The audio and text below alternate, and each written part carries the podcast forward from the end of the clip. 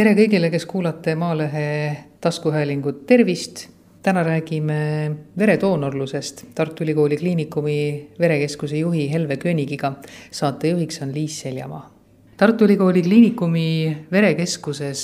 käib töö aastaringselt. kas suvel võib olla nii, et teie töövaeva on rohkem vaja, ehk siis äh, inimestega võib juhtuda asju, mille tõttu nad vajavad äh, doonorverd? Mõnes mõttes on teil õigus, sest suvel rohkem inimesed käivad puhkamas,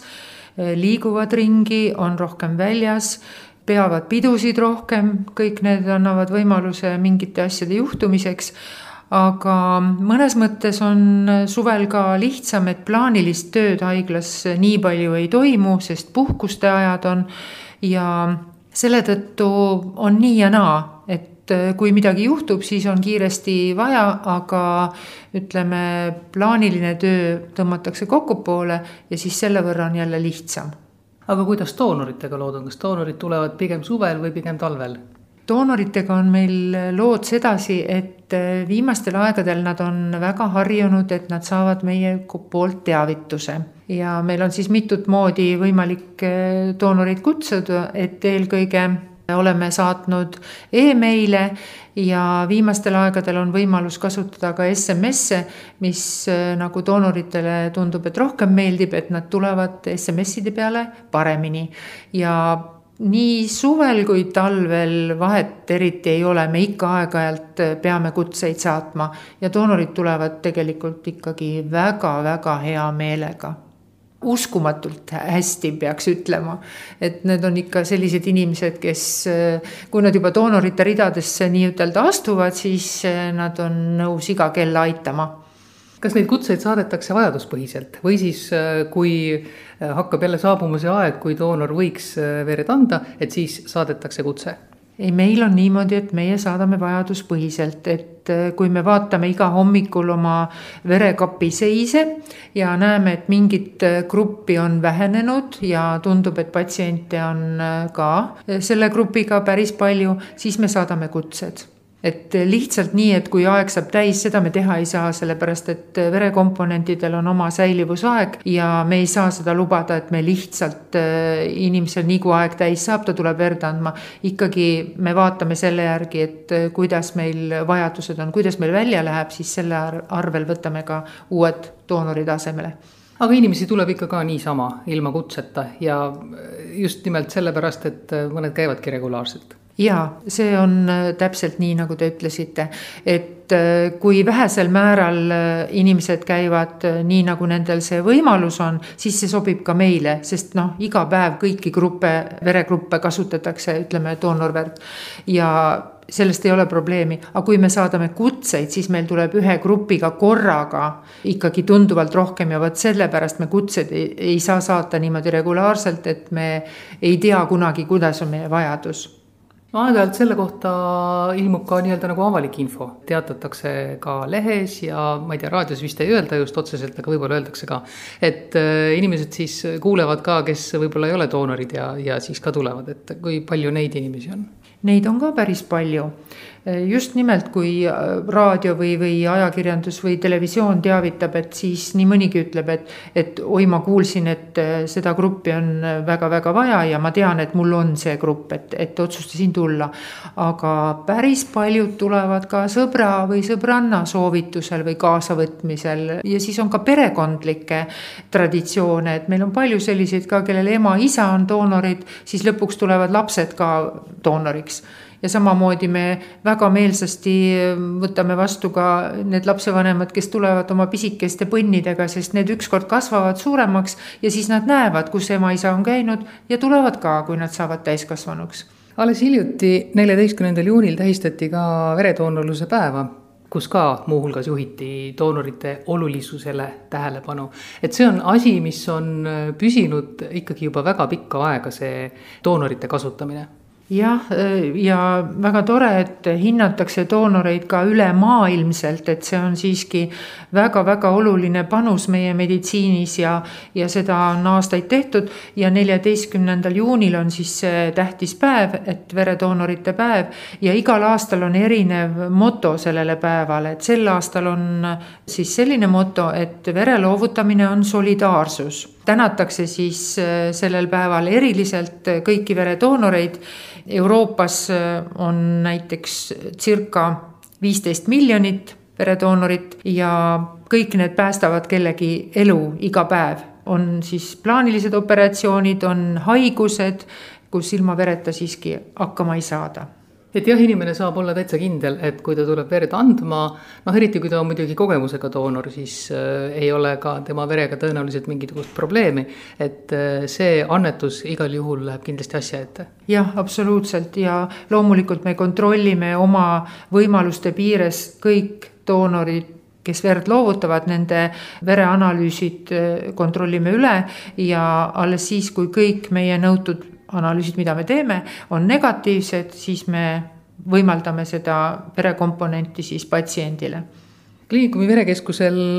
on endal ka nüüd uus tunnuslause, aitamine on veres. kas teil enne oli midagi muud või enne ei olnudki ja nüüd võtsite? Enne meil väga midagi ei olnud, eks siin aeg-ajalt ikka midagi mõtlesime välja, aga nüüd tänu meie kommunikatsiooniteenistuse ettevõtlikkusele saime me jah, sellise ilusa lause ja see valiti ikka sadade seast, et tehti selline konkurss nagu kliinikumi töötajate seas, kes said ettepanekuid teha ja see sai siis kõige enam nagu hääli, mis meile nüüd siis jäi, et see aitamine on veres, et väga tore, me oleme nii õnnelikud selle üle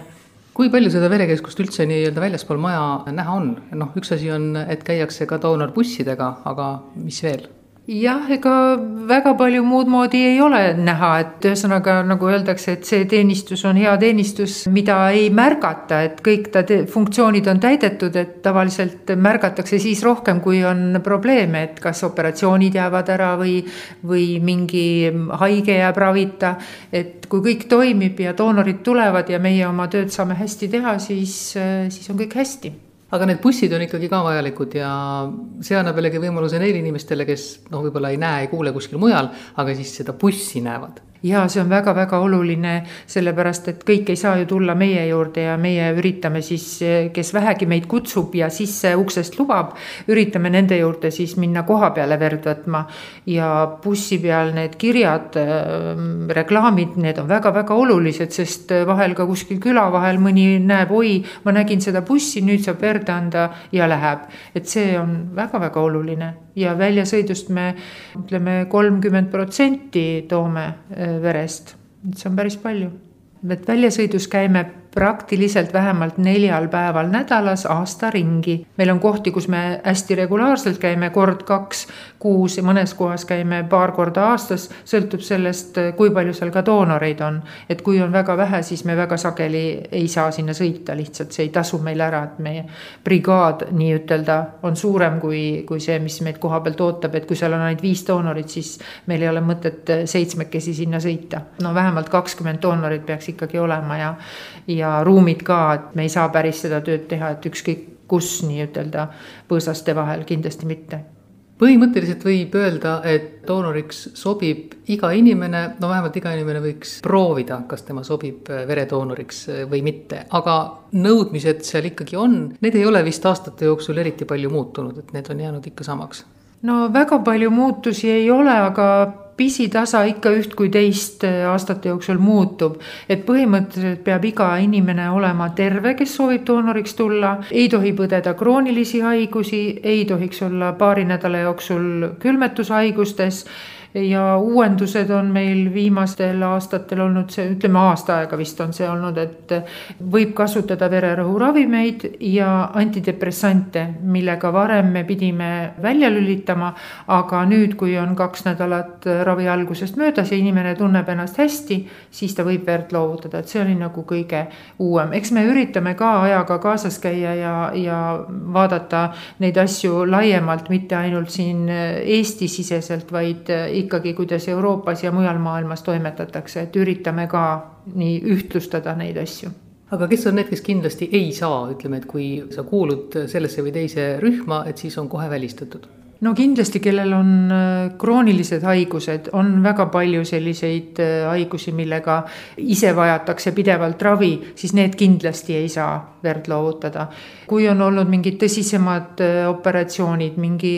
organi eemaldamine näiteks mingi haiguse tagajärjel ja nii edasi. et äh, siiski on piiranguid, samuti kui on põetud äh, mingisuguseid viirusi, näiteks B-hepatiiti, C-hepatiiti, HIV-viirust, siis need paraku kindlasti verd anda ei saa no inimese enda tervis ei tohi ka kannatada selle tagajärjel, mina näiteks ei sobi doonoriks, kuna mul on väga madal hemoglobiin, et see on üks kindel asi, mis äh, kindlasti kohe välistab ka ja hemoglobiin on siis see väärtus, mida me iga kord kontrollime enne vereloovutust, et me ei tekitaks sellega doonorile kahju. ja naistel peab see olema vähemalt sada kakskümmend viis grammi liitris, meestel sada kolmkümmend viis grammi. igapäevaseks eluks sobib ka see veidikese madalam hemoglobiini väärtus, aga doonoril on need normid kehtestatud ja doonoriks tulekul peavad olema need väärtused täidetud. sest muidu pärast tõesti hakkab endal nõrkus ja, ja meie võtame nelisada viiskümmend milliliitrit. et sellepärast peab see olema ja siis tuleks lihtsalt jälgida ikkagi, et miks see hemoglobiin on madal, et mõningatel taimetoitlastel kipub see madalam olla, olema, siis naistel võivad olla omad põhjused, miks verekaotuse tagajärjel igakuiselt võib see hemoglobiin lõpuks langeda, et see oleks mõistlik selgitada perearstil siis, kui pikemaaegselt on ikkagi hemoglobiin madalam, et, et mis see põhjus on, kui just toiduga väga ei piirata. toitumine on hästi-hästi oluline doonori puhul. Eesti on äh, väike riik, elanikke vähe, ütleme võib-olla niisugusi haruldasemaid veretüüpe esineb ka vähem. on niisugused head doonorid, kelle verd võib anda rohkematele inimestele ja siis on niisugused haruldased, kelle veri võib-olla sobibki ainult ka väga väikesele rühmale. kuidas teil on, et kui palju neid äh, nii-öelda haruldasemaid inimesi juhtub uksest sisse tulema? jah, õnneks veregrupid on sellised, mida saab omavahel asendada. et kui meil on mõnda veregruppi vähem, siis äh, saame asendada teise grupiga. aga kõige vähem on AB negatiivseid, et äh, võib-olla umbes üks protsent elanikkonnast, aga samavõrra on neid patsiente ka siis vähem ja AB grupiga on see asi, et sellisele inimesele sobivad kõik teised veregrupid ülekandeks. mis puudutab nüüd nulli, et eriti null negatiivset, mis on nagu universaalne erakorralises töös, kui veregruppi veel ei teata, et siis elupäästval eesmärgil võib seda üle kanda, siis tegelikult null negatiivne on ise küll universaalne teistele kõigile, aga kui temale on vaja ülekannet, siis temale võib teha ainult null negatiivset ja selle tõttu meil on null negatiivset negatiivsega ikkagi kogu aeg probleeme, sest me peame hoidma varu, et oleks sünnitajatele, et oleks lastele ja erakorralisteks situatsioonideks, et see nullnegatiivne, et need doonorid on meil üsna-üsna ära tüüdatud meie poolt, et tihtipeale nad juba telefoninumbrist tunnevad ära, et juba jälle mind vajatakse et selles suhtes ja nullnegatiivne on meie kartoteegis väga-väga hinnatud ja, ja oodatud doonor, et ilma, ilma nendeta ei saa mitte kuidagi hakkama verekeskuse töö muidugi on ühest küljest võtta verd vastu, aga sellega tehakse ju midagi edasi ka, et päris nii ei ole, et võtame vere ja siis samamoodi läheb ka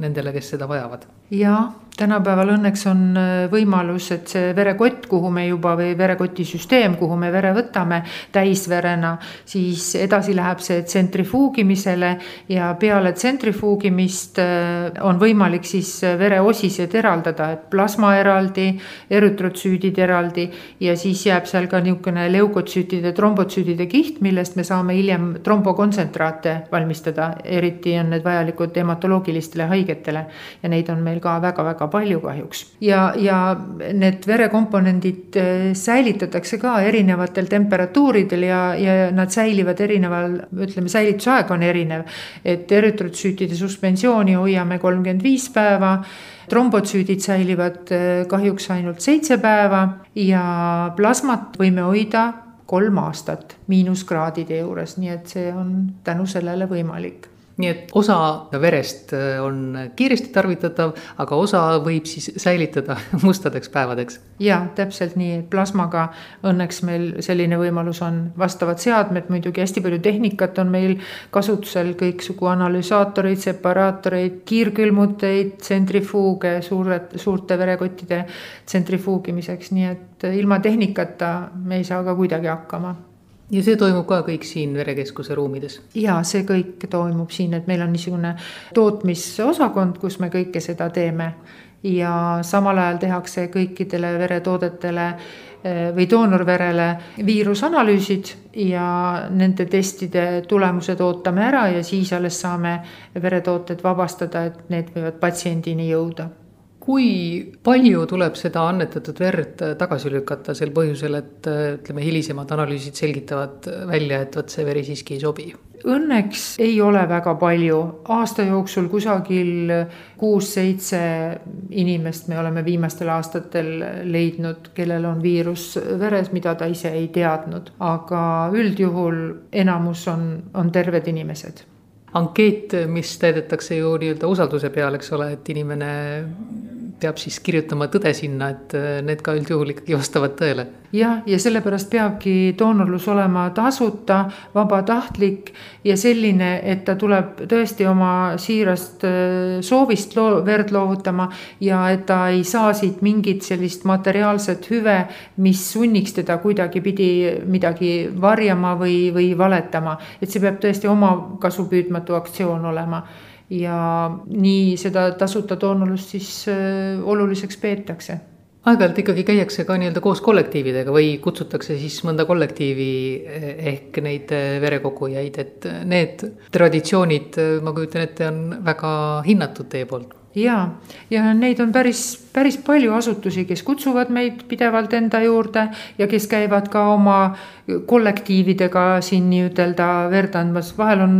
autotäis noori mehi või siis võtavad äh, sõbrad-sõbrannad kokku ja asutustest tulevad täitsa paljud jah, niimoodi, vastab tõele ja see mõnel pool on ka noh, tõesti nagu traditsioon selles mõttes, et äh, tehakse igal aastal. Või siis, et, äh, et see kuulub nii-öelda nagu mingisuguse heategevuse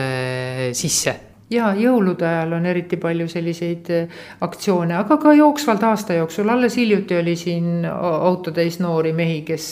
kogu aeg käivad niimoodi neljakesi koos, et võtavad kõik kokku ja tulevad ühe, ühe autoga verd loovutama kui me räägime verekeskuse nii-öelda kvaliteedimärgist, siis noh, ma ei tea, võib-olla tulevad ka inimesed, kes algul muretsevad, et kas see, mis toimub selles majas, et kõik on ikka nii, nagu peab jaa, meil õnnestus ennast akrediteerida eelmise aasta lõpul, aga akrediteeritud on siis meil laborianalüüsid. et see näitab, et me vastame Euroopa nõuetele ja see on väga oluline meile, aga selleks me pidime tõesti neli-viis aastat äh, ette valmistama, et, et kõik need äh, dokumentatsioon ja, ja tööde nõuded, nii nagu seal see ette nähtud on, äh, täidetud saaks. see on päris, päris suur töö ja nüüd siis detsembris me selle akrediteeringu siis saime ja nüüd igal aastal tuleb see siis uuesti kaitsta nii-ütelda, et järgmine suurem tegevus on siis akrediteerimiskeskuse poolt meie juures septembri keskel, siis peame kaitsma nii-ütelda oma neid saavutusi. kas need nõuded võivad vahepeal muutuda ka? väga suures osas äh, mitte, et need on kõik seadistatud selle meie direktiivide ja määruste ja, ja igasuguste seaduste pinnalt, nii et et äh, väga suuri muudatusi mitte, aga alati ju midagi on võimalik ja on vaja parendada, et äh, leitakse ikka mingisugused väikesed kohad, kus mõni juhend või, või mingi asi või mingi tegevus peaks olema veel paremini, et siis antakse alati võimalus see ära teha ja, ja kinnitatakse siis sealtpoolt see, et te töötasite enne ilma selle nii-öelda kvaliteedimärgita, see muidugi ei tähenda, et teenus halvem oli, aga lihtsalt siis see on nüüd nagu järgmine etapp või varem ei taotletud äh, seda mingil põhjusel? ja me ei saanud lihtsalt varem taotleda, sest äh, kui sa loed läbi need nõuded täpselt, millised kõik peavad olema, siis see dokumentatsioon eelkõige peab olema vastav sellele, nagu nõuded on ja selle ettevalmistamine võtab lihtsalt aega midagi teha ei ole. ja, ja me töötasime küll nii nagu vaja, ega me tööprotsesse pole muutnud, aga põhiline on dokumentatsioon. Ja selle tõttu see võttis nii kaua, nii kaua aega, aga muus osas meil töö pärast muutusi ei ole. Mainisite enne ka äh, viirushaigusi, mida põdenud inimesed äh, doonoriks äh, olla ei saa, aga kindlasti ei jätnud teie tööd mõjutamata ka Covid pandeemia ja ega see ei ole meil veel läbi, nii et me veel ei tea, mis sellest võib tulla. et üks reegel on see, et haiged ei tohi tulla, aga muus osas Covidi läbi põdenud näiteks, nendega mingit vahet ei ole ei, selles suhtes ei ole mitte mingit vahet, et äh, doonor peab olema kaks nädalat sümptomite vaba, tundma ennast hästi, sest äh, noh, kõikidel peale selle haiguse põdemist äh, ei ole väga hea enesetunne, et kui on ikka nõrkus, jõuetus, mingid liigesevalud või peavalud või, või iiveldused või lõhna ja tundehäired ja tunneb ennast ebamugavalt, siis ei tasuks verd andma tulla. aga kui on kaks nädalat vähemasti möödas, sümptomeid ei ole, enesetunne hea palun väga, võib verd loovutada aga mis puudutab seda koroonaperioodi nii-ütelda, siis me saime selle suhteliselt hästi üle elatud, sellepärast et ega plaaniline töö ju pandi ka praktiliselt pausi peale. et äh, olid ainult erakorralised asjad ja, ja doonorid ikkagi väga kenasti tulid ja pigem ütlesid, et issand, kui hea, kusagile meid oodatakse ja kuhugi lubatakse tulla ja vähemalt verd andma siis, nii et äh, seda kuulis päris mitmed korrad. sest noh, enamus ütles, et ma olen kodukontoris ja, ja noh, ütle kuhugi minna ei saa, verd sai andma tulla. No kui räägitakse, et me peamegi harjuma niisuguste asjadega, et äh, sellised pandeemiad võivad meid veel ees oodata, siis esimesest korrast loodetavasti on nii palju õpitud, et saame edaspidi hakkama jaa, kindlasti, see oli suur õppetund ja võib-olla kartsime natuke rohkem, kui tegelikult oleks pidanud, aga võib-olla ka mitte. et seda tegelikult ei oska tagantjärgi nii, nii öelda, et kas oleks pidanud veel leebemalt, nagu meil siin Eesti riigis tegelikult oli suhteliselt leebelt see piirangute osas, kuigi inimesed virisesid ja ei olnud väga rahul. aga kindlasti õppetund oli, oli meile suur ja mina isiklikult olen väga maskide usku ja, ja ja ma arvan, et kui doonor paneb maski ja töötaja paneb meil maski, siis ei tohiks nagu midagi hullu tegelikult juhtuda no rääkides sellest teemast veel, siis olen nüüd viimase paari aasta jooksul näinud ka huvitavaid teooriaid selle kohta, et veretoornus üldse ei ole nii hea asi. olgu siis inimeste mingisugused uskumused või mingid muud asjaolud, mis tema arvates siis välistavad selle. kui tihti teie niisuguste teooriatega kokku puutute? noh, inimesed, kes ei pea veretoonulust heaks asjaks, muidugi tõenäoliselt ei tulegi siia üldse, et te nagu otseselt vist ei näegi neid jah, õnneks mitte, sellepärast et äh, see on ikkagi väga vastutustundetu suhtumine, et äh, siis soovitaks minna sellele inimesele sinna äh, osakonda, näiteks hematoloogia osakonda ja vaadata neid väikesi lapsi, kes ränga diagnoosiga seal peavad oma haigusega võitlema, et kuidas me siis ei anna talle verekomponente, kui, kui, kui see ta, ta elu päästab. et jah, selliseid ekstreemseid neid mõtlemisi on kindlasti olemas igas suhtes. et õnneks meie nendega eriti kokku ei ole puutunud. ei tahaks ka, sellepärast et äh, me tahaks ikka aidata see, et aitamine on veres, loodetavasti nüüd siis ka juurdub nende doonorite seas, kes äh, teile siia tulevad, võib-olla ka kaugemalt. kliinikumi